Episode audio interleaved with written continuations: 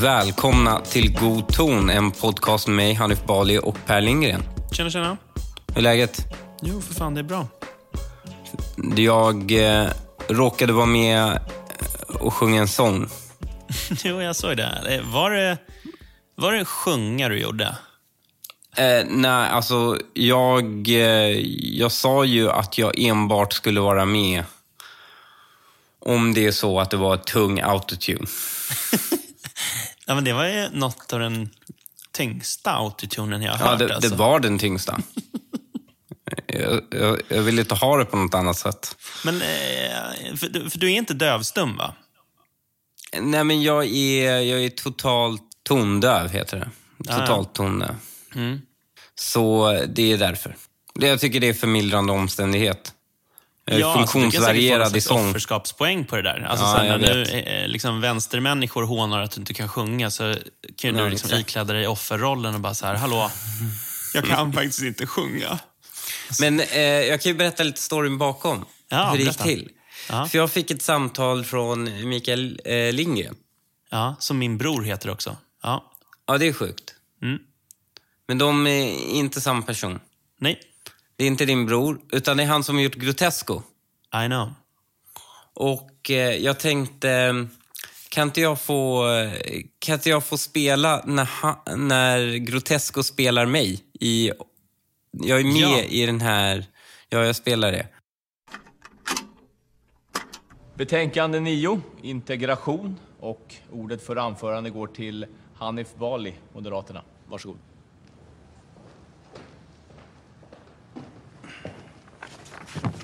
Tack, herr talman. Jag hoppas vi kan få en väldigt bred debatt. För det är en avgörande framtidsfråga att förändra tonen i diskussionen om integrationen för att möta den kraftigt ökande asylmigrationen. 60-talet var en helt annan sak. Det var arbetskraftsinvandring och det fanns ett tak och de som kom hade jobb som väntade här. Så de klarade sig själva och gjorde karriär. Samhället behövde bara gå in om något gick snett. Som vid arbetslöshet och familjerätt. Men på slutet av 60, början av 70-talen hamnar flyktingar direkt in på socialen. Yo, jag är moderat, jag gillar inte soc. En förmyndarstat gör din hjärna till mos. De måste in på arbetsmarknaden på något sätt. Komma hem till mig, städa min bostadsrätt. Vi har en 30 år gammal felanalys och regeringen svarar med mera bidragsnys. Jag säger låglönejobb ger integration. Jag yrkar bifall till Alliansens gemensamma reservation. Tack. Då går ordet för anförande till eh, Paula Bieler, Sverigedemokraterna. Varsågod. Och det här är ju underbart ju. Ja, det är underbart. Är, är, är det inte Micke Lindgren själv som rappar där? Det är Micke Lindgren, det är första scenen, alltså det är när den öppnar. Första Ja, scenen så är, går Micke Lindgren upp och har spelat mig. Just det. Och, och I owe it to this guy liksom. Ja, men han, eh, han, är ju, han är ju jävligt skarp alltså. Ja, jag gillar honom jättemycket och jag tycker faktiskt Veckans Nyheter har varit väldigt bra. För den har, jag, det, jag känner inte att den har varit biased. Liksom.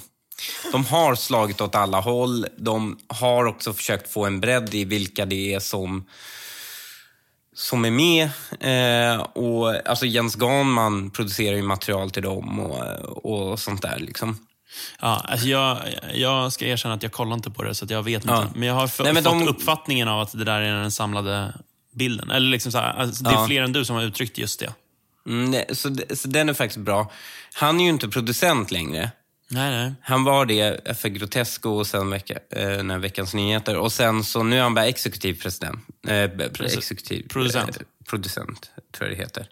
Eh, och eh, han hoppar in som så här, jag vet inte om det var någon sjukdom eller någonting, så han hoppar in som producent så här, sista veckan och ska bara göra avslutningen.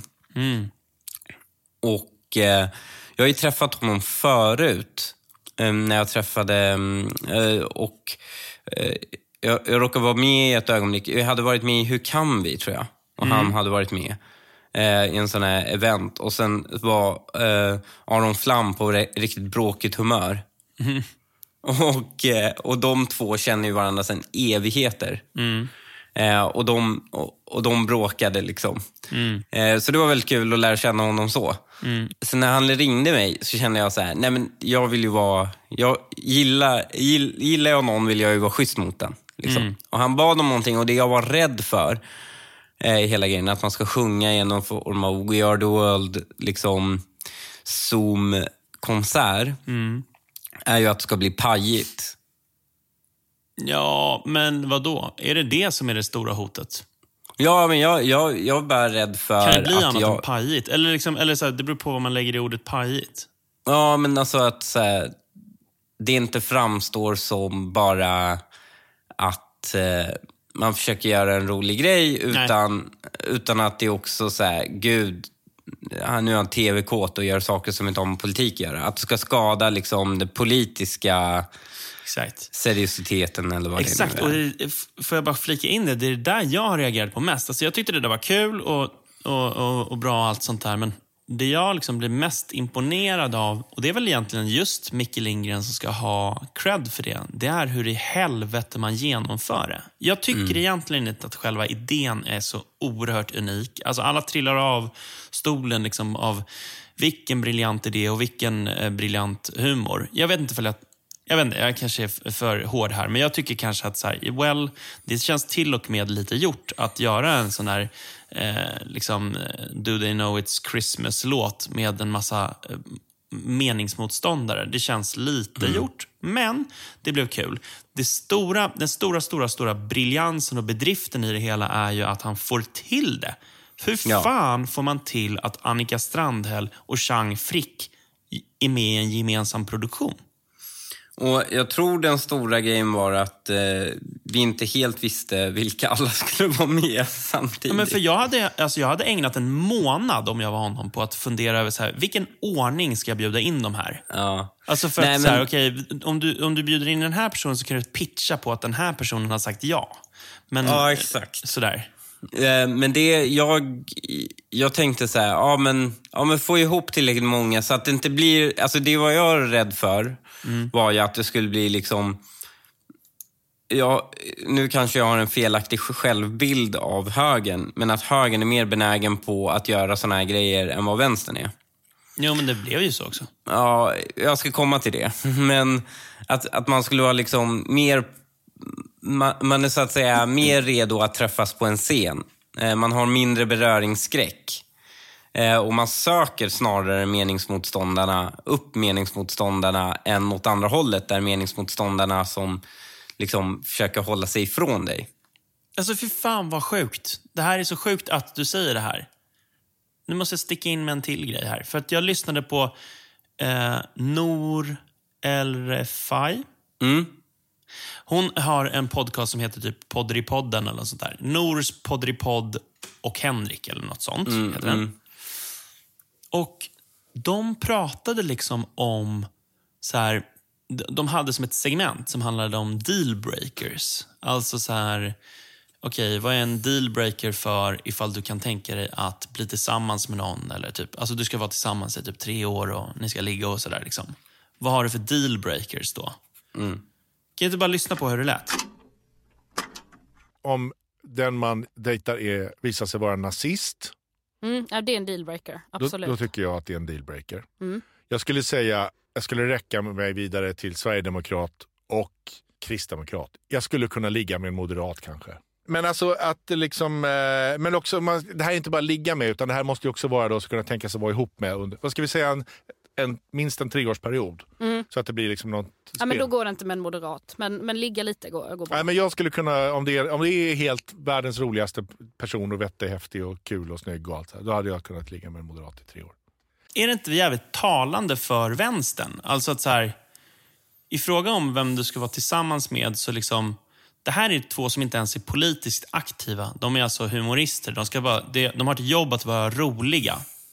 Men de kan inte liksom tänka bortom någon ideologisk åsikt. Utan alltså att, att ligga med en moderat, det går väl an. liksom. Men kristdemokrat, no no. Och sverigedemokrat, men vad fan, det är nästan nazist. liksom. Ja, det, är, det är ganska intressant, för jag såg en sån här opinionsundersökning från USA som visade på hur vanligt det var att ens partner hade en annorlunda politisk uppfattning än dig. Ja. Eh, och vad som sker vad som skett sedan 50-talet är att bara så här, det här gapet har, alltså det här, de som säger att de aldrig skulle acceptera att de hade en annan politisk upp, uppfattning. Men också hur många som har en annan politisk uppfattning. Ja. Det gapet liksom har bara exploderat. Så att andelen som säger så här, nej men det är total dealbreaker om någon är republikan, om den är demokrat. Eller om någon är republikan och säger, ja men jag kan inte tänka mig vara med en demokrat. Det ökar. Och sen, man har ju gjort den här, reproducerat det här. Man har till exempel kollat på, ja men vad skulle du tycka om ditt barn blev tillsammans med? Och sen har man kollat på, ja men hur många, eh, så här, inter, här, mellan eh, partirelationer finns det. Och det blir bara färre och färre som vad finns. intressant. Ehm, så den här polariseringen verkar även ske sexuellt. Eh, Jag, är tycker, men, men jag skulle gissa att det är känsligare för vänstern än vad det är för högern. Jag tror det definitivt. Jag, vet, jag tror man kunde se en viss skillnad hög, alltså, eh, höger utifrån än vänster utifrån. Alltså för mig är det där, alltså det är en sak om man har en person som är väldigt sådär, alltså att den hela tiden måste diskutera politik. Då blir det frustrerande, men det är ju mer av ett personlighetsdrag. Ja. Det handlar ju inte om den personens ideologi. Alltså ja, men jag skulle- hatar högermänniskor som bara vill prata politik hela tiden också. Jo, men det där, jag tror att det ligger just i det att vi som är höger ehm, är, vi tycker inte att politik hör hemma överallt. Mm. Och, alltså, och, men vänstern är så jävla, liksom så här, de är så ideologiska in i sitt DNA så att det är liksom, de, de sitter, ligger och tänker på planekonomi i sänghalmen. Liksom. Men så om vi går tillbaka till just det här med om vi skulle... Om vi, om vi går tillbaka till just veckans nyheter så var jag ju som sagt rädd för att det skulle bli pajigt och att det skulle rädda att det skulle bli ensidigt. Så då blir det ma- massa högermänniskor som står där och bjuder på sig själva. Och det blir, då blir det bara att vi är pajiga och sen är vänstern seriös och inte på plats. Just det. Förstår du? Eh, och, så det var ju lite oron. Och sen så... men jag hade ju sagt ja och jag gillade ju eh, Micke Lindgren så jag bara, ja men okej. Och så skickade han ljudfilen och texterna och jag skulle spela in det. Och sen som en, och skrev jag bara, haha, vilka har sagt ja? Och så skickade han en lista. Eh, och jag bara, ja bra. Och så såg jag att det skilde sig lite från listan tidigare. Typ Ivar Arpi hade hoppat av och ehm, alltså från meningen var det typ att, eh, vad heter hon? Eh, Rashid Musa skulle vara med och eh, vad heter hon? Bilan Osman och så. Men alla de hoppade av liksom. Men jag kände ändå, Anders Lindberg var där, Göran Greider var där, Strandhäll var med, eh, Wolodarski var med. Ja, men jag kan göra det här. Mm. Och sen ja, så spelade, vi, spelade jag in. Och eh, min flickvän var ju, hon var med när jag spelade in och hon satt ju bara garvade åt mig. Eh, för det framstår ju ganska kul när man alltså att sitta ensam i tystnad och spela in det där. Och sen, du ska ju spela in utan ljud. Utan fy musikljudet. fan. Och sen höra på dig själv helt utan musik i bakgrunden. Eh, Och jag, jag kan ju inte sjunga, så jag kan verkligen inte sjunga. Så det var ju fruktansvärt. själv. ja, nej, men det var, det var fruktansvärt. Men skickade in det och sen så valde jag faktiskt att säga, ja, det här, jag ska inte titta på det här live. Liksom. Jag, ska, jag ska inte kolla flödet allt för mycket liksom, och när det sker. Men sen så någon timme senare så, så får, jag, får jag ett sms. Eh, bara, oh, men vad fint du sjöng, typ. Och så börjar folk kommentera. Eh, och, eh, och, Fint du sjöng. Det var ju högst sarkastisk kommentar eh, jag fick, men det verkar som att det var populärt. Men, och min tjej var ju väldigt skeptisk till att jag skulle göra det här för att det skulle bli liksom pajigt och det var oseriöst. Men när hon såg det här klippet så blev hon så här, hon bara, gud, jag blir nästan så här rörd till tårar av det här. För att det är så fint att ni alla liksom kunde ställa upp på det. Och, och då reflekterar jag över just den punkten att jag förstår varför för en utomstående att det framstår så himla fint. Det var inte det för mig, alltså när jag såg det. Jag tyckte det, det var kul, men det var inte liksom... Det var, jag, jag tyckte det var kul för det var en rolig sångtext där alla drev om sig själva. Liksom. Eh, men att det var att andra tyckte att det var fint tror jag är för att de tror ju att när jag och Annika Strandhäll ska in på Expressen Debatt exempelvis mot varandra eller något sånt. Eh, när vi sitter i liksom vänterummet på SVT eller Expressen eller ja, något sånt. Att vi inte pratar med varandra och hatar varandra. Det där är nyckeln. Just hatar är det folk tror. Ja, folk Du tror hade ju inte det. gjort det här med en IS-soldat. Liksom. Nej, det hade jag verkligen inte. Men det Eh. som är grejen är att folk tror att du ser på Annika Strandhäll så som du ser på en IS-soldat. Och det, jag förstår ju det för att de gånger vi offentligt fram så är det i debatt och i konflikt, så att säga. Men jag tycker hon är bara dålig på sitt jobb och tycker fel saker. Det betyder inte att jag behöver hata henne. Nej. Ehm, och Det tror jag är en ganska viktig sak att ha med sig när man analyserar effekterna av det här. För att eh, också vilka som inte kan tänka sig ställa upp. För jag tror de hatar dem på ett annat sätt. Förstår du? De hatar på ett annat sätt. Ja, men jag tror att det finns variation av anledningar. Ja, alltså, det det, kan ju också vara att man gör en riskbedömning. Att så här, Ja. Ja. men just den här resonemanget, den här tviveln du själv hade i början. Liksom, så här, Ja. Fan, vill jag vara en del av det här eller kommer jag ta skada av det? Det kan ju falla ut väldigt fel. Liksom. Ja, det kan det. Men, eh, och jag håller med. Men de som sen senare har gått ut och sagt att det är fruktansvärt av SVT att bjuda in oss. För det har ju varit reaktion, reaktionerna utåt. äh, Breda, breda grupperna från höger till vänster har tyckt att det är kul. Eller höger till sossarna, kan jag ju säga. Men sen har liksom yttervänstern varit fruktansvärt kränkta. Och ytterliberaler. Ja, Eh. och, typ så här... Sydsvenskan folk liksom. Ja, men och typ så här NMR-folk. Liksom. Ja, de också. Men det här är beviset på att det inte finns någon opposition. Allt är, alla Ja. är kontrollerade. Liksom. Alla, det, de fick ett mejl från Soros att ställa upp. Liksom. Eh, men det har ju varit ytterhögern. Men, och sen, men det är intressant var gränsen för så att säga yttervänster går i Sverige. För det går inte vid liksom, KPMLR. Det går alltså vid någonstans, eh, så att säga, någonstans i vänsterfalangen av Socialdemokraterna. Eh, och hur mer normaliserad yttervänstern är. Eh, och De som varit så här hyperkritiska hade själva fått frågan och var, var med också, eh, vissa av dem. Typ den här advokat-Emma, tror jag. Eh, jag vet inte om hon fick frågan, men hon var uppenbart väldigt, eh, väldigt eh, upprörd över att man kunde normalisera mig. Precis. Och det här har jag ju undrat, normalisera.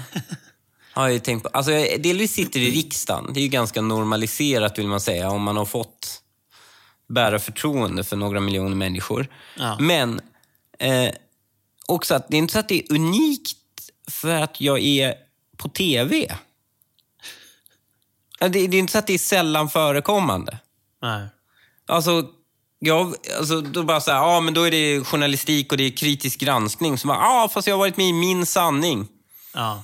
Liksom att få bre ut min text där. Eller för den delen, Malou efter fyra är ju inte direkt, det är ju mys-tv. Efter tio, ja. Ja, Malou efter tio. Ja, just det. Efter fyra. Ja, det är något annat program. Alltså, jag har varit med i en massa så här, har varit mysiga grejer också. Man har varit med i. Som, ja, det är väl en normalisering då.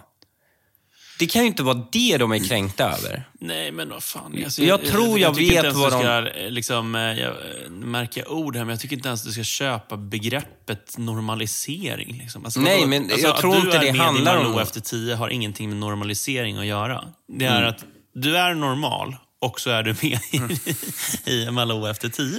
Men jag, Liksom. tror, jag tror också det har med någonting annat att göra. Berätta. Jag tror det har att göra med att de tyckte att det var kul. Just det. Och det bra. ont. Och då ser de människor de hatar vara med i något som är kul och bra. Och de som har producerat, alltså det är ju inte tack vare oss det är kul och bra, utan det är ju på grund av Mikael Lindgren i SVT. Eh, liksom, som det är kul och bra. Och då ser de det som ett svek av deras SVT. Just det. De, deras SVT gjorde något bra och gav en bit av det till människor de hatar. Och det är det som har fått dem att bli upprörda. Och, Hade det här varit någon jävla rap där det bara varit vänstermänniskor som... som eh, Micke Lindgren har skrivit texten på en rap där liksom Göran Greider får lägga ut orden om hur fruktansvärd du är och du får inte komma till tals. Då hade eh, advokat-Emma med följe inte sett något problem i det. nej, såklart inte. Nej, eh, det behöver inte ens vara... Göran Greider det är ju normaliserad. Han är ju fan en eh, inventarie i SVT-huset. Men alltså, man kan, man kan säga... Jag menar inte att det- han det- blev Nej, men jag, normaliserad. Jag det menar hade kunnat det- vara det en. AFA-snubbe. Ja, ja, ja. En. AFA-snubbe hade kunnat dyka... Det hade kunnat vara en gäng... Det hade varit någon ur Dödspatrullen. Ja. Hade de bara, haha. Och sen om någon hade sagt en synpunkt, så bara, "Ö, det är bara kul, det är satir. ja, exakt. Eh, och det här är intressant, för tidigare var det ju de mest gröv, de grövsta liksom övertrampen, eller inte övertrampen, men de grövsta så att säga, angreppen satiriskt kom ju oftast vänsterut ifrån. Mm. Vet att, eh, tycker att den ena och andra knullar barn och, och massor av sådana här saker har ju liksom satiriskt. Och då får man ju liksom, man får rycka på axlarna och gå vidare i livet när man eh, attackeras av det. Alltså, jag, jag förstår liksom Ivar varför han är så himla arg för att han har ju fått stå ut, jä- han har ju tagit jävligt mycket, ja verkligen så här, man har försökt förgöra honom som person. Liksom. Eh, och hans karaktär. Ehm, och där är det väldigt intressant. De människorna dyker upp senare och bara, nej men det här eh, är fruktansvärt att man gör och normaliserar det här. Nämligen att människor driver om sig själva, att de gillar sina egna åsiktskorridorer. Ehm, så det tyckte jag var en spännande... Men det är ju liksom också... Det är ju verkligen så här... Prusiluskor dyker upp och är liksom... Ja, men jag såg verkligen så här, att man, det var det så här, demokrati, hoten mot demokratin normaliseras och SVT skrattar med. Liksom. Och man bara, är ni... Så här, och jag tycker Mikael Lindgren skrev ett svar till eh, Sydsvenskan väldigt bra i Helsingborgs Dagblad. Han sa att ni... Han sa att eh, man, det är liksom kritiken och totalitära tendenser för att det är liksom, ni klarar inte ens av att de här personerna ska ses. Att de existerar. Jag vet och jag håller med honom, men jag menar han inleder med liksom så här att när man håller på och jobbar med humor så eh, gör man klokt i att liksom, om man retar upp eh, liksom, eh, etablissemanget så att de går ut och grinar, då, då gör man klokt i att, att liksom inte gå i svaromål. Men så kan han liksom inte hålla sig. Men jag tyckte det var ett Jag, bra tyck, jag svar. tycker fan att han borde ha hållit sig, för vi hade nog liksom tagit upp det här ändå. Alltså, förstår du? Låt politikerna gnabbas om det där. Det är fan inte komikernas roll. Det är inte hans strid. Liksom. Låt, dem, låt dem bli arga. Han borde, han borde gjort det han själv skrev i sina första rader. Skit i det. Ja, absolut. Men jag tyckte det var väldigt fint det han skrev om, alltså mot just Petter Larsson som så här, Helin och högertrollen skrålar i kapp. Eh, skrattet fastnar i halsen när SVT-programmet går radikalhögerns ärenden. Eh, och jag tyckte poängen han gjorde var så här, eh, han, han drar ju också upp eh, det här, liksom, så här varför tackade yttervänstern nej? Han tyckte att det var slag, alltså det var slagsida högerut Exakt. ifrån. Föga Eh. förvånande. Ja, och så men varför tackade yttervänstern nej? Och, eh, och Mikael Lindgren skriver ju av precis de skälen, liksom, för att de inte vill legitimera högern. Och det blev ju konsekvensen att högern fick mer, mer utrymme. Det, och det spelar ingen roll. För de här människorna är ju som religiösa. Det handlar inte om att så att säga uppnå sina mål. Det handlar för dem om att framstå som dygdiga. Och då spelar det ingen roll om världen går under eller världen blir bättre. Exakt. Bara de får framstå goda när de gör det. Ja. Eh, och, Det går igen i allt de gör. ja, verkligen. Det är Och, liksom skitsamma om bara en tsunami sköljer över världen imorgon på grund av deras ineffektiva klimatpolitik. Liksom. Så länge den skickar rätt signaler så kör vi på den.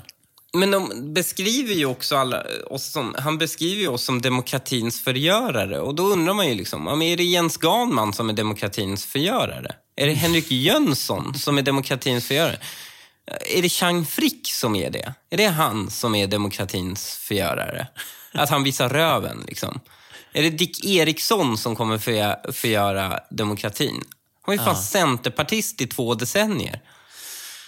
Alltså, Men deras, deras liksom, eh, extremt eh, orädda förhållningssätt kring liksom, språket är, är återkommande också. Att man är så jävla orädd för att urholka ordets varje innehåll. Liksom. Alltså, så här, rasist kan man använda hur många gånger som helst. Liksom, vargen, vargen kommer-mentaliteten liksom, går igen. Alltså, man, det är hela tiden samma sak. Samma synsätt på eh, vad som är, utgör hot mot demokrati också. Det är liksom det, det är så jävla vårdslöst användande av det svenska språket. Jag, jag, jag tyckte i alla fall att eh, reaktionerna från allmänheten var så pass positiva att de som har liksom gett sig ut i den här debatten och nu är, tycker att det är fruktansvärt att det här sker, de förgör bara sig själva. Alltså de framstår ju precis så... Alltså de blir ju... Vi, vi drev om att vi gillar våra åsiktskorridorer och trivs i slutna kluster. Men vad det visade sig i eftermälet, i debatten, så här, efter debatten, vilka det var som på riktigt, riktigt trivs i sina egna bubblor. För det är ju de som exponerade sig när de säger att nej, nej, nej. Vi trivs så mycket i våra bubblor att vi inte ens kan vara med och bli inklippta liksom, på någon, en Zoom-konsert. Men Och det den kritiken ganska kommer liksom flyga helt över huvudet på dem för de befinner sig i en bubbla där, Ja, men där jag liksom det både blir- du och jag är blockade. Så det är så Ja, här- jag vet. Men jag tror det är blir liksom, det, det det, blir- Så länge de blir applåderade i korridoren så är det lugnt. Ja, men de blir ju uppenbart, så att säga, de, de, för den breda allmänheten som tyckte om det här, Jo, så jo, framstår men- ju de som att det är de som polariserade. Men det spelar ingen roll.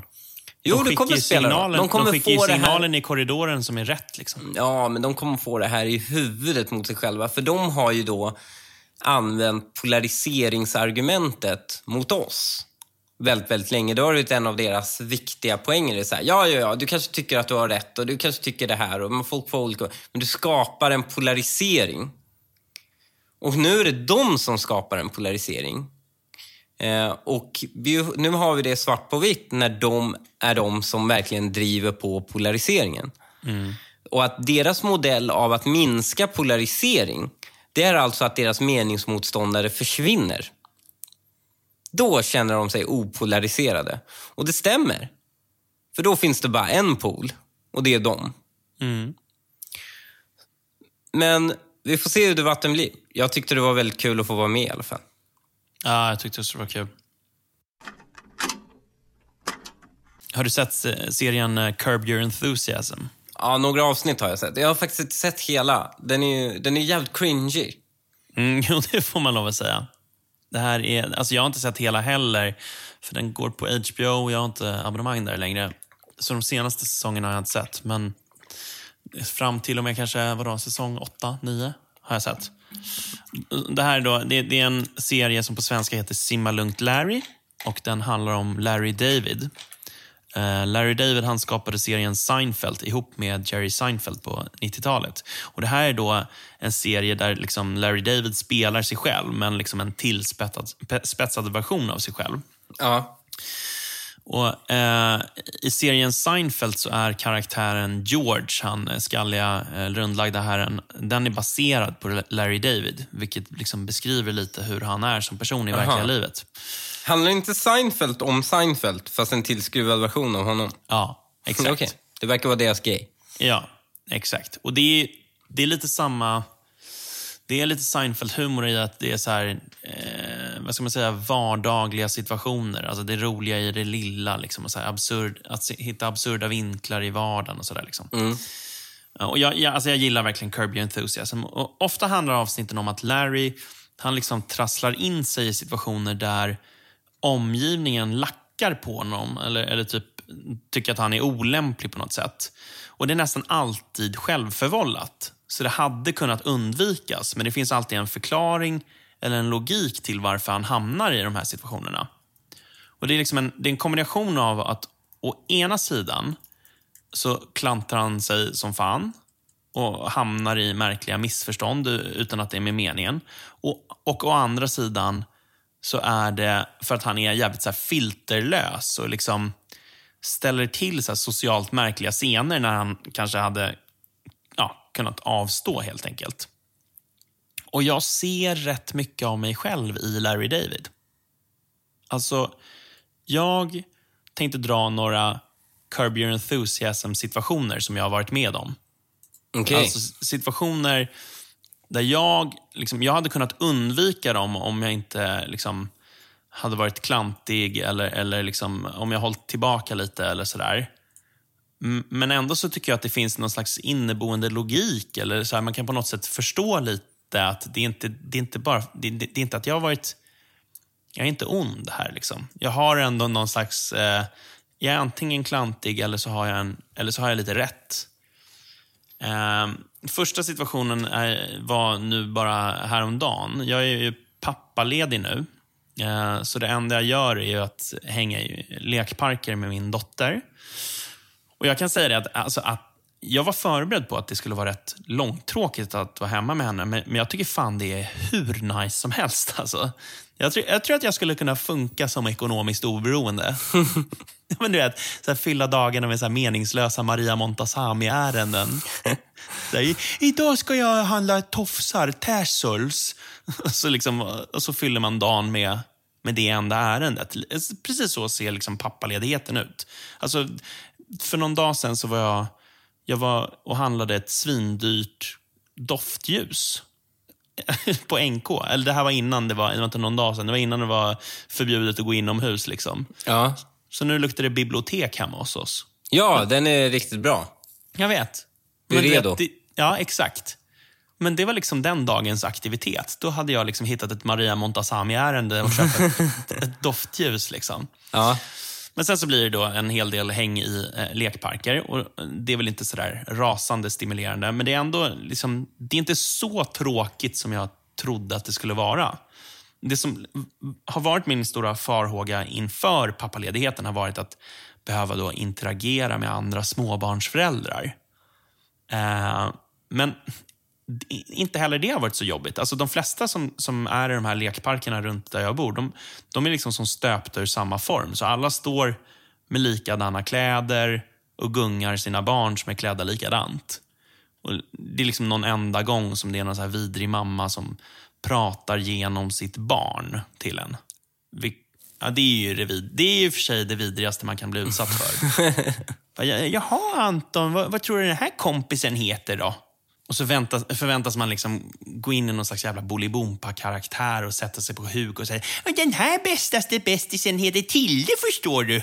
Liksom, jag, och det där grejer ju inte jag. Alltså, om du undrar vad min dotter heter, fråga mig vad min dotter heter så ska jag, så ska jag säga det utan att spela amatörteater. Liksom. Men, men, i, men i regel så har det varit jävligt lugnt. Alltså, folk är trevliga och, och sådär. Eh, det jobbiga har liksom inte varit mötet med de vuxna det är faktiskt mycket jobbigare att möta barnen. Aha. För jag vet inte hur man pratar med barn. Alltså, och det här är särskilt svårt när man har liksom vakande vuxna runt om.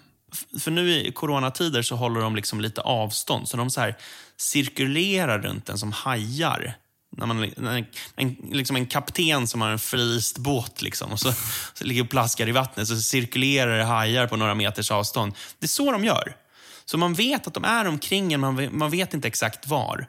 Och Jag känner mig alltid så jävla utvärderad då. Alltså typ som att de andra vuxna liksom granskar hur jag är i mötet med barnen. Och, vet, normalt så har inte jag något problem med att med att liksom, ja, möta människor eller uttrycka mig eller så. Men, men i mötet med de här små barnen så kan jag liksom frysa till is. Jag har fan liksom ingenting att säga till dem. Så det, liksom, det blir bara tystnad. Och ju längre tystnaden är, desto konstigare blir det här då. Och då kä- känner jag de här hajarnas blickar på mig och det ökar ju bara stressen. Men vet du vad, vad jag har lärt mig Berätta. eh, göra när man eh, är barn? Alltså man ska ju, så att säga, när barn söker kontakt med en och tittar på en när man står i kö någonstans eller någonting så. Eh, Då ser ju oftast deras föräldrar inte det. Och det här har eh, min tjej lärt mig som har lärt sig det av sin mamma. Och det är att man räcker ut tungan till dem. Och sen låtsas man som ingenting. Och så freakar de här barnen ut totalt. För de försöker ju Det här bara låter som säga den att... här scenen i Jokern på bussen. Eh, eh, Ja, jo, det är väl exakt lite så. Alltså, Då säger de ju till deras föräldrar, du ser helt normal ut. Och de tycker ju sina barn dumma i huvudet då. Vad håller du på med liksom? Så, Frode, då, då, är- de har ingen chans ungarna då. Då har du övertag direkt. Jag har provat det här, det funkar. Psykologisk krigföring mot, mot femåringar. Exakt. Men grejen var att häromdagen så hamnade jag i en sån där situation liksom, där jag då eh, tvingas möta barn. Och jag kände liksom att jag levererade. Oh. För, för liksom, min dotter ville då, hon ville leka på som en så stor bil som är som en gunga. Och eh, På den bilen så lekte redan eh, tre lite äldre barn. Och Ofta så är det så här att de är inte stormförtjusta i att det kommer ett, en liten unge och äntrar scenen när de håller på och leker. Så de, de, det kan bli lite så här friktion. Och Det började då med att ett av de äldre barnen tog i allt vad det hade och skrek i min dotters ansikte, så här, två millimeter ifrån det. Liksom. Och ja, Jag känner ju för att liksom lägga ner den här femåringen i gruset, men istället så, så sa jag då moget så här, nej, vi behöver inte skrika så. Och Grejen var att den här situationen då vändes till att den här pojken som skrek, han ville berätta om vad de hade lekt med tidigare. Och liksom så här, jag ska väl erkänna det att jag var måttligt intresserad av vad de hade lekt med tidigare. Men, men här kopplades liksom någon slags autopilot in. Så jag ställde frågor och jag reagerade på vad han sa och liksom var så här intresserad. Och det här samtalet liksom flöt på. Jag var inte alls den här asociala, konstiga gubben. Så plötsligt för en sekund var jag som en normalfungerande vuxen. Och Jag blev så, så glad över att det här flöt på så bra, så, så jag liksom stod och log. Och jag, började då så här, jag vågade till och med liksom vända mig om lite för att se var den här cirkulerande hajen var någonstans. Liksom bara för att se om jag skulle då möta en, en, en utvärderande vuxen blick som kanske då ja, men kanske ler tillbaka eller liksom så nickar lite. Så här, men det här gör du fan bra. Ja. Men jag möttes av en kvinna som stod med korslagda armar och två ögonvitor. Hon stod Va? och iakttog min varje rörelse. Och jag tänkte så här, ja, ja, men vad fan. Jag gör, jag, jag, det här är min, mitt A-game. Jag blir inte bättre så här. Men så här liksom, så om, du, om, du, om, du, om du tycker att det här är dåligt, då är jag rädd att jag, jag kan inte prestera bättre än så här. Liksom. Liksom, hon, så hon får ju, hon får ju liksom stå där och, och vara butter. Då. Och efter ett tag så, så ville min dotter kliva av från den här bilen. Så jag, jag lyfte upp henne och, och började bära bort henne mot några gungor. Och då märker jag liksom hur mina brallor liksom börjar hasa lite ner på höften. Och Vad fan är det som händer? Och så tittar jag ner och då, då har jag alltså översta knappen på gylfen är liksom öppen och, och mina rörelser har liksom dragit upp så att halva gylfen är öppen. Oh. Alltså det här är helt osannolikt. Jag, jag har inte den blekaste aning om hur i helvete det här har gått till. Men naturligtvis står ju den här kvinnan och tittar på vad fan det är för obehaglig man som står med liksom halvöppna brallor och brett leende och pratar intresserat med hennes son. Åh, gud.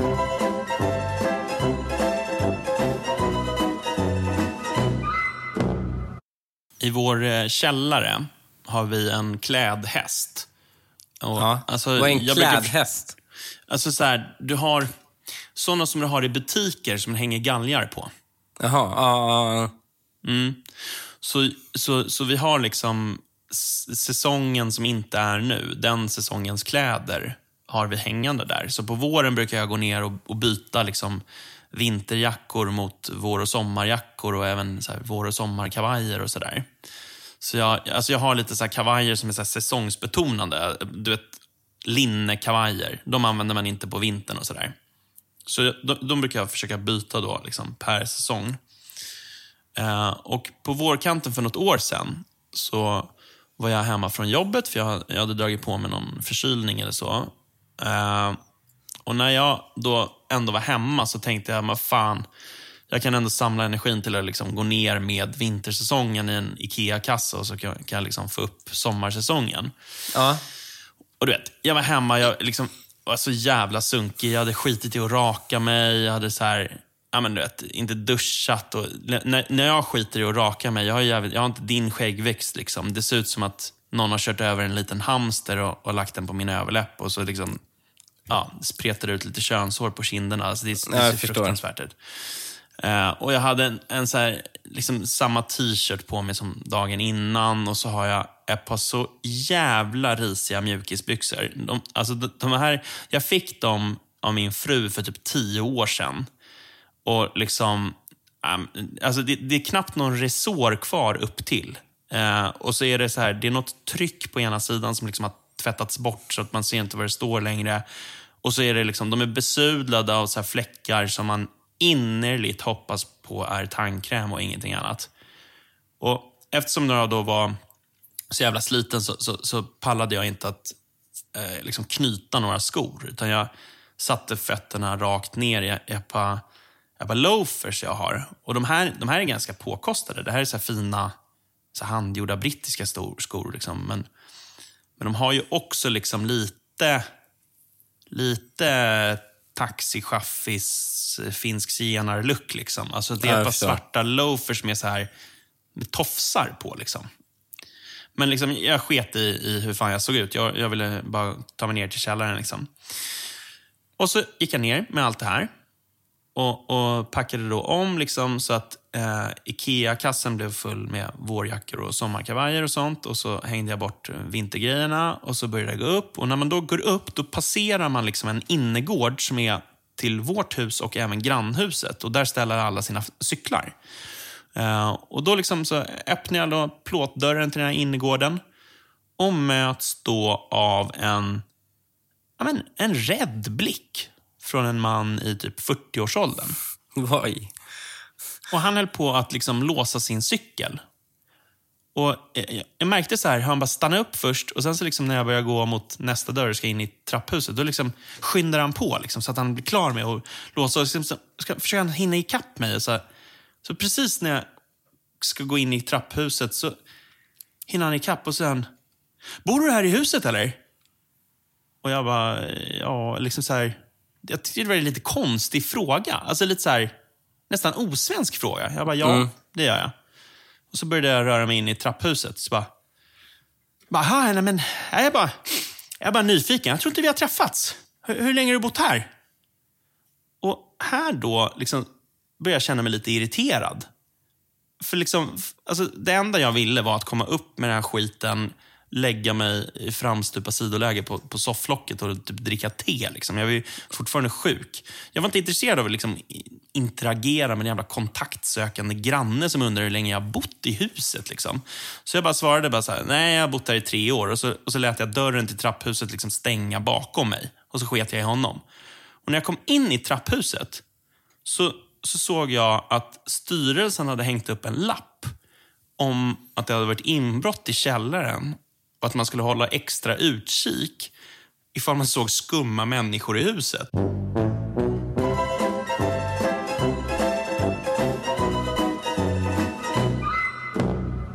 Alltså, jag, jag stod ju liksom med tofsloafers och mjukisbyxor med en jävla Ikea-kasse full med, med, så här, med sommarkavajer. Det, det enda jag ångrar med den här situationen är att jag borde ha svarat så här. Hej, hej, tack så mycket. jag har bott här i långa år. Liksom, och bara försvunnit. Men det är fan inte lätt att alltid lyckas med det där. Alltså, Nej, vad fan, att leverera på studs, nej. Nej. Men det är inte alltid lätt att lyckas i livet heller. Nej, det är fan inte alltid lätt att lyckas i livet. Alltså jag tänker, särskilt med det du pratade tidigare om barn. Ja, Du känner ju till Margot Dietz. ja. Det är ju en sån här influencer som är, hänger mycket med Ebba Busch Thor. Just det. Och hon har ju en unge som heter Arnold. Arnold. Arnold. Hon har skrivit en barnbok. Aj. Arnold åker till Sydafrika. Oh, farligt ämne. Ja, som verkar vara någon form av biografi. Jag tror hon har varit i Sydafrika. Hon är ju från Nederländerna. Jaha, okej. Därför hon har det här namnet. Ja, eh, så jag antar att det är någon boerkoppling här också. Aj, aj, aj. Hur som helst. Så hon skriver en barnbok där de liksom flyger, som handlar om att de flyger till Sydkorea och tittar och går på safari. Och tittar på djur. Och eh, den har fått oerhört mycket kritik. Och det har lett till att förlaget nu ber om ursäkt för detta. Vadå? Vad, vad har den kritiserats för? Den har kritiserats för att det inte finns några svarta människor i hela boken. En väldigt kolonial blick i anklagelsen. Ja. Det, de tycker att den är smaklös. Mm. Och eh, då är ju... Då undrar man ju liksom... Ja, men vilka människor är det som syns i boken? Och så visar det sig att nej, det är bara hennes familj som syns. Men. Då är det väl för fan inget konstigt. och djur. Men tydligen finns det en taxichaufför som hämtar upp dem på flygplatsen. Och han var Och inte han svart. tvung- Men vad då? De hade ju garanterat klagat ifall han var svart. ja, exakt. Jaha, så den enda svarta i boken är tydligen en tjänsteman, eller liksom en, en betjänt som ska köra, en, en chaufför. ja, verkligen. Men det intressanta är att så här, reaktionen från eh, förlaget. Mm. Vi, eh, då säger det så här. Vi tar fullt ansvar för vår utgivning och förstår i retrospekt att processen med att ge, denna bok, ge ut denna bok borde ha gjorts med större omtanke om viktiga frågor som representation och vithetsnormer. Ja, men för fuck's sake. Vi inser att vi, trots att vår avsikt med den här boken aldrig varit menad att göra skada, har en passivitet under utgivningen. Eh, och en oförmåga att se utöver våra, vårt egna perspektiv. Och att vi därmed inte lyckats skapa en bok som skulle inkludera på ett annat sätt. Sa de just att det är ett helvitt företag? Ja, jag tror det. Eh, de rasanalyserar sig. Och det intressanta är att hela avkastningen från boken kommer gå till barn i kåkstäder i Sydafrika. Men nu eh, skrotar man den planen, eller? Nej, men nu ska man ju cancel den här boken. Den ska ju inte köpas för den är ju kolonial. Men det är precis, det är återkommande. Det är precis samma skit. Så här. Ja, men det spelar ingen roll om, vi, eh, om, om effekten blir att kåk, ba, eh, liksom barnen i kåkstäderna inte får några pengar. Nu skickar vi i alla fall rätt signal i den här lilla korri- korridoren. Margot Ditz har ju svarat. Mm. Jag tror inte folk hade reagerat på samma sätt om de hade förstått att det är endast mina närmaste familjemedlemmar som är i boken och inga externa personer, vare sig på sidorna i Sverige eller i Sydafrika. Ber om ursäkt. Men jag undrar, vad är det du ber om ursäkt för då? Exakt. Varför, varför backar du för det här pissdrevet? Nej, verkligen. Och, men det så slår mig- vi måste alltså ha ett mångfalds och antikolonialt perspektiv för femåringar i en jävla bilderbok om djur. Åh, herregud. Eh, Det slutar aldrig liksom. ja, alltså det är ganska sjukt tycker jag. Men det är, det är svårt att lyckas. Ja, verkligen. Jag har, eh, jag har en till eh, sån story om, som fan illustrerar när det är eh, svårt att lyckas. Mm. Eh, jag är ju landställe på Åland, eller min familj. Och vi brukar alltid åka Ålandsfärjan från Kapellskär när vi ska dit. Och På den färjan så är det, det är ganska många original på de här färjorna. Alltså vissa, åker ju liksom, vissa åker med dem bara som en ursäkt för att få umgås. Men för mig så är det liksom 100% transportmedel. Men det är liksom då, alltså många ålänningar åker tur och retur med den för att liksom fylla spritförrådet, för man får ju handla på taxfree och sådär. Och så, så får de en, eh, liksom, de får en ursäkt att supa sig fulla på dagtid. Eh, toaletterna på Ålandsfärjan, de är de är ungefär så trevliga som man skulle kunna förvänta sig att toaletterna på Ålandsfärjan är. Eh, men jag har då hittat en favorittoalett som är lite fräschare, eller lite mindre ofräsch. Och det är liksom ingen, det är ingen stor marginal här, men den är ändå lite, lite, lite mindre ofräsch. Och anledningen till att den är det, är för att det är en handikapptoalett. Okej. Så när jag åkte med den här färjan förra året så, så behövde jag pissa. Så, så jag smet iväg då mot min favorittoalett. Men jag hann liksom bara greppa handtaget till den här toaletten. Så hör jag liksom långt bakom mig i, i rummet så här, nej, nej, nej, nej, nej, nej. Jag bara, vad fan? Så bara tittar jag bak och ser då en, en kraftigt överviktig man som liksom sätter fart mot mig med sin rullator. Jag bara, för, förlåt, vad sa du? Han bara, nej, nej, nej, du ska inte in där. Det är en handikapptoalett. Jag bara, men... Och då liksom, här så kunde jag inte hålla mig. Och det här, det här är en situation som nästan är som hämtad från Curb Your Enthusiasm. För de har ett helt avsnitt som handlar om just handikappplatser och handikapptoaletter. Men jag kunde inte hålla mig. Så jag frågade, har ett handikapp som förhindrar dig från att köa?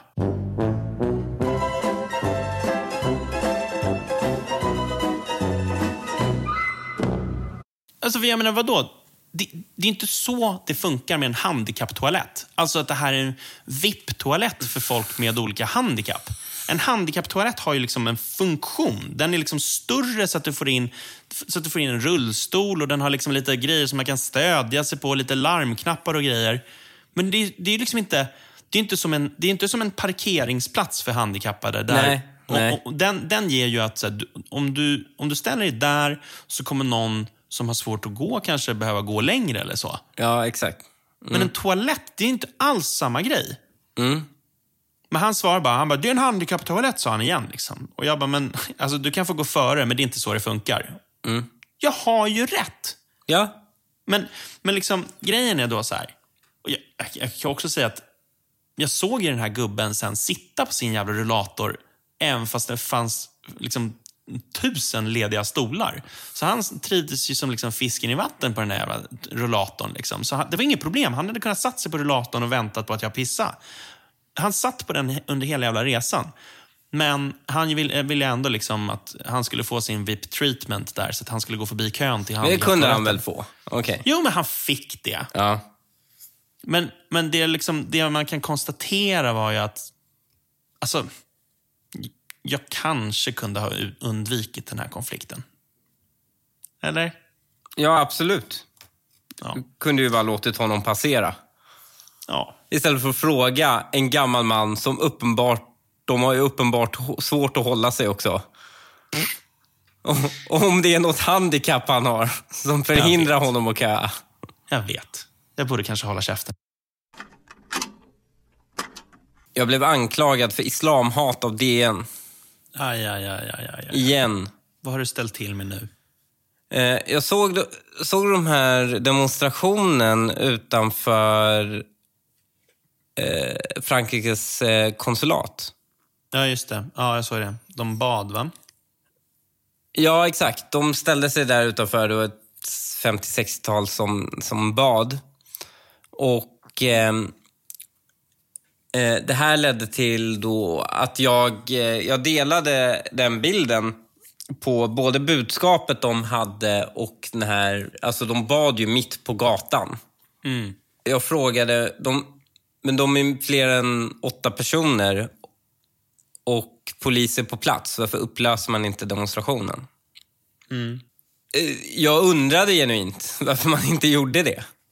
Och Då fick jag svar från några poliser. bara så här, ja, men jag, jag, jag ska kolla upp det. Och så bara, ja, men eh, Det gick lugnt till och sen i ett senare ske, skede valde polisen att upplösa demonstrationen. Ja.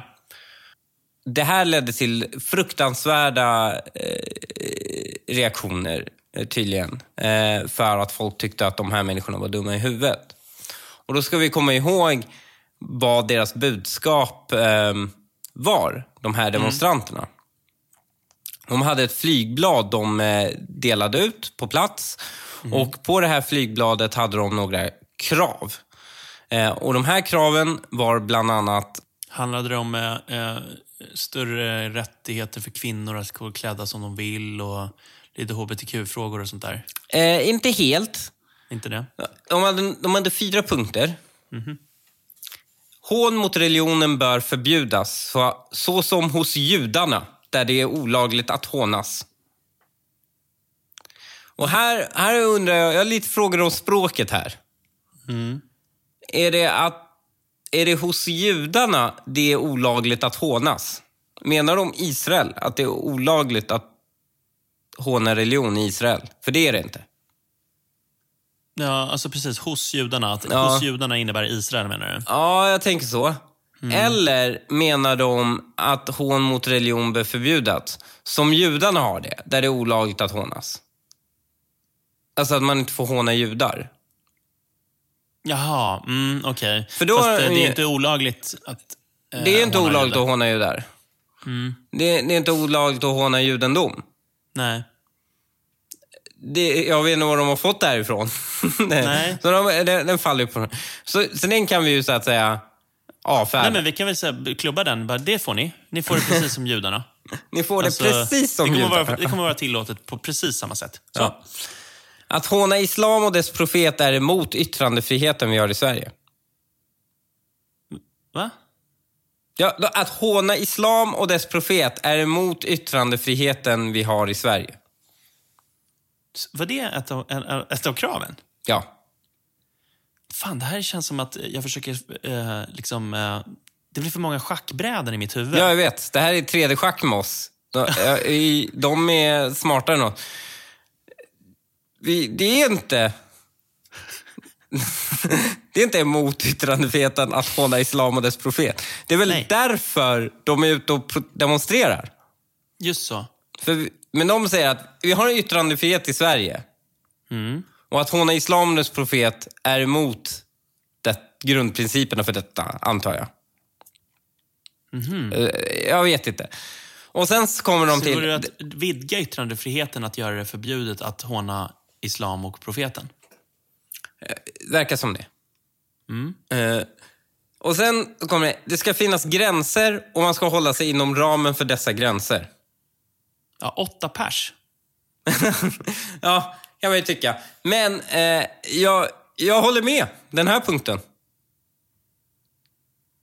Det ska Ja. finnas gränser och man ska hålla sig inom för ramen för de här gränserna. Allmänt, i allt. Det, det, det är en rimlig princip. Då Ja. är frågan...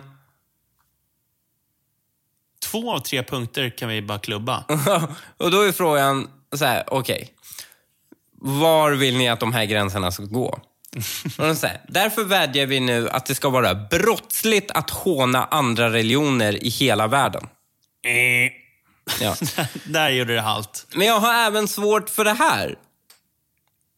Att, det- vill de att det ska vara brottsligt att håna andra religioner i hela världen? Alltså i global lagstiftning? Eller religioner från hela världen det ska vara brottsligt att håna? Jag tror på det första. Du tror det? Alltså, det ska, ska något globalt... Ja, men när de får sin globala kalifat så, så kan de ju klubba det. Eh, så riktigt så är det inte, va? De borde ju Nej. bara ta sitt jävla pick och pack och dra till något ställe de som har det här, om det är så jävla viktigt för dem. Hur som helst. De här bilderna från dem är ju ganska intressanta också, för när du tittar på dem, det är inte liksom barnfamiljer som är ute och, och ber liksom, på gatan. Det, verkar vara ganska hardcore typer som är ute. Det är alla, varenda en har salafistskägg. Liksom, och du vet den här rakade mustaschen och, och långt lägre skägg och, och så. Ehm, och eh, man började yra om att man ska, att man ska ehm, man ska, att man ska instilla fruktan på alla oss eh, otrogna och eh, massa såna här saker. Va? Vadå, Ja. höll de tal också? Ja, de höll tal också. Ja, Och sen så bad de, och det här med att be har ju blivit en sån här effektiv metod för de här grupperna att utnyttja för att folk blir så här, det är en maktdemonstration, delvis det är en demonstration, men om du ber känns det ju liksom då ser det ju bildmässigt och- dåligt ut om du kommer upp och upplöser en bön. Ja, visst. Så de använder ju det väldigt cyniskt. Mm. Men de är ju fler än åtta och polis på plats. Och jag frågade varför ingriper de inte och upplöser den olagliga sammankomsten? Och då fick jag svar, ja, men de blev fler sen om man upp, upplöste dem. Och orsaken till det är ju att eh, de har eh, det här regelverket om åtta på plats. Den träder in, den hade trätt in så fyra dagar, den träder in fyra dagar efter den här demonstrationen. Ja, ja, okej. Så, då, så de var före liksom. Ehm, så det, var orsaken. Och det fick jag svar på. Och jag känner mig nöjd med det. Men DN var förnärmad över att frågan är ställd. Det är klart. DN is gonna DN. Ja, de säger så här, Erik Helmersson skriver så här. Den som anser att islamhatet inte är ett problem får gärna läsa igenom den moderate riksdagsmannen Hanif Balis Twitterflöde från fredags. Ämnet var en muslimsk bönedemonstration utanför Frankrikes ambassad. De är fler än åtta, polis på plats. Varför ingriper de inte? undrade Bali. Och, eh, och han säger så här. Ja, men svaret är ju att demonstrationen hade tillstånd och att åtta personers regler inte hade gällt gälla. Men det hindrade inte från många att rasa vidare. Ehm, och så vidare. Och Det här fick Erik att fundera. Nämligen, eh, han drar ju upp, eh, han säger ju att kraven som framfördes i ambassaden är förkastliga. Han skriver ju det. Alltså hån mot religion bör förbjudas och så vidare. Eh, men han säger, men det är ju inte olagligt eh, att tycka som demonstranterna. Eller uttrycka det genom en fredlig manifestation. Nej, det är inte olagligt. Eh, oklart vad han menar med det. Och sen går han vidare och det är här han gör något ganska vidrigt. Nämligen, han- säger ju att muslimer dras med fördomen och vara våldsbenägna och odemokratiska.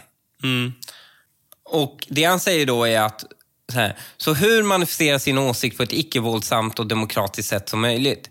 Kanske genom att bedja och dela ut flygblad utanför en ambassad i en tillståndsgiven demonstration. Nix, folk blir ändå vansinniga. Varför ilskan? För att det handlar om muslimer. Alltså, det där är ju en uh, förolämpning mot muslimer. Ja, alltså muslimer demonstrerar hela tiden och ingen bryr sig. Alltså de kurdiska muslimerna som demonstrerar utanför Turkiets ambassad. Eh, de de liksom vanliga muslimer som går i andra demonstrationståg som inte har liksom någonting med deras religion att göra. Ja, det, folk har noll problem med det. Alltså ingen som bara, ah, Greta höll en manifestation, det var tre muslimer där och fy fan vad arg jag blir. Alltså, det är ju ingen som blir. Nej. Och han har, han har svårt att hitta en annan förklaring när folk blir upprörda. Och han säger ju så här, visst, åsikterna var uppåt väggarna, men i Stockholm demonstreras varje helg i alla tänkbara bisarra ämnen. Ingen bryr sig. Ja, fast det är väl liksom just att den här typen av åsikter eh, har ju fått större genomslag än liksom Ja. när någon, när någon eh, bara liksom, alltså, här, om, om scientologerna har någon liksom demonstration i någon, något hörn av stan så, så, så är det sannolikt att inte skitmånga kommer bry sig eftersom att de inte får så stort genomslag. Men det här är ändå en, en maktfaktor. Men det är ju inte bara det. Men vad är det mer då? Det är ju att det är ju fanatiska islamister som står och demonstrerar. Att, de, att Erik Helmersson reframar dem som vanliga fredliga muslimer. Jo, men det jag menar är så här. Hade det varit så, om vi tänker bort alla terrorangrepp i världen, att det finns inte eh, den utbredda terrorismen och det finns inte den utbredda islamismen. Eh, Och så är det just 50 pers som har någon liten sekt som, som demonstrerar i Sverige. Då hade man kunnat prata om det eller inte prata om det. Men det hade inte blivit den omfattande diskussionen som det nu blir. Men det är just för att det blir ett, det finns en, de har en mycket större... Ja, men De det är får- ett reellt hot. De här idéerna är ju ett reellt hot. Ja, Och det, Det är precis är det ju... jag menar. Alltså, scientologkyrkan är väl förjävlig för de som drabbas av den. Men i Sverige utgör den inte ett nämnvärt problem. Liksom. Ja, men- Inte på det, på det sättet som det här är. Men jag kan... Vi, vi kan ju dra en parallell. Låt säga att det var nazister som hade en fredlig demonstration. Ja, Ska han bara, men de hade ju tillstånd. Ja, visst, åsikten är uppåt väggarna. Men varför ska vi skriva om det? Det demonstreras varje helg i tänkbara bisarra ämnen. Ingen bryr sig. Är det, ungefär, är det den reaktionen folk brukar ha när det blir när NMR håller demonstrationer? nej, precis. Ja, det är helt bisarrt. Och därutöver så kan man ju tänka sig att eh, de, de här människorna, de är ju inte och bara demonstrerar om något heller. Utan de står faktiskt och demonstrerar utanför det land där en man har blivit halshuggen för att han trodde på yttrandefrihet. Det ser de och väljer att ställa sig utanför den, det landets ambassad och demonstrera mot yttrandefrihet. Det är ju inte bara någon random demonstration. Det är ju typ det, vid, det är ju som att demonstrera... Alltså, det är ju som att gå på en begravning och demonstrera mot den begravda och mot de anhöriga på begravningen. Det här är ju det Westboro Baptist Church gör. Det är som att demonstrera mot homosexualitet när någon har dött i HIV. Ja, men det är som att NMR har en fredlig demonstration utanför en synagoga. Exakt. Och det är klart att folk blir förbannade. Men det klarar inte han av att göra. För han klarar inte av att se skillnaden mellan muslimer och islamister. Och så fort han gör det, så, så fort han försöker, det enda gångerna han ser skillnad mellan islamister och muslimer, det är när islamister gör något riktigt dumt som råkar drabba muslimer. Då kommer han, dyker han fram. Hörru, nu är det viktigt att vi differentierar här. Men när islamisterna håller sig innanför de ramarna vi har, då försvinner distinktionen. Utan då är de plötsligt bara muslimer och ska skyddas under det paraplyet. Och det är så himla svagt av honom. För de gånger Erik Helmersson har skrivit om, han har skrivit kritiskt om islamism, det har han.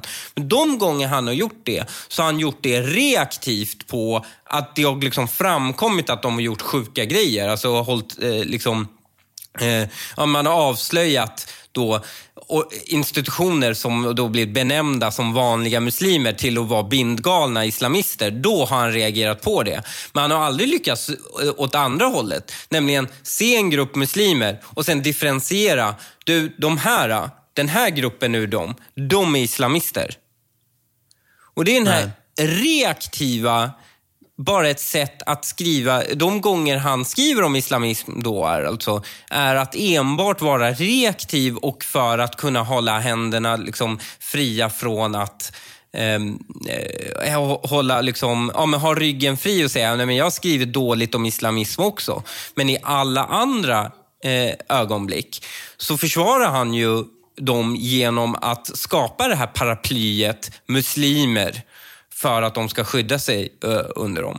Så jag vågar säga att Erik Helmersson är en del av problemet. Det är han som ger dem makt. Det var allt för den här veckan. För er som vill stötta denna podd kan gå in på patreon.com godton. Och eh, vill man följa oss på Instagram så gör man det på god understreck ton. Och ni som vill swisha, vad gör man det till Per? 123 128 15 18. 123 128 15 18. Vi syns nästa vecka. Ha det bra. Ha det bra.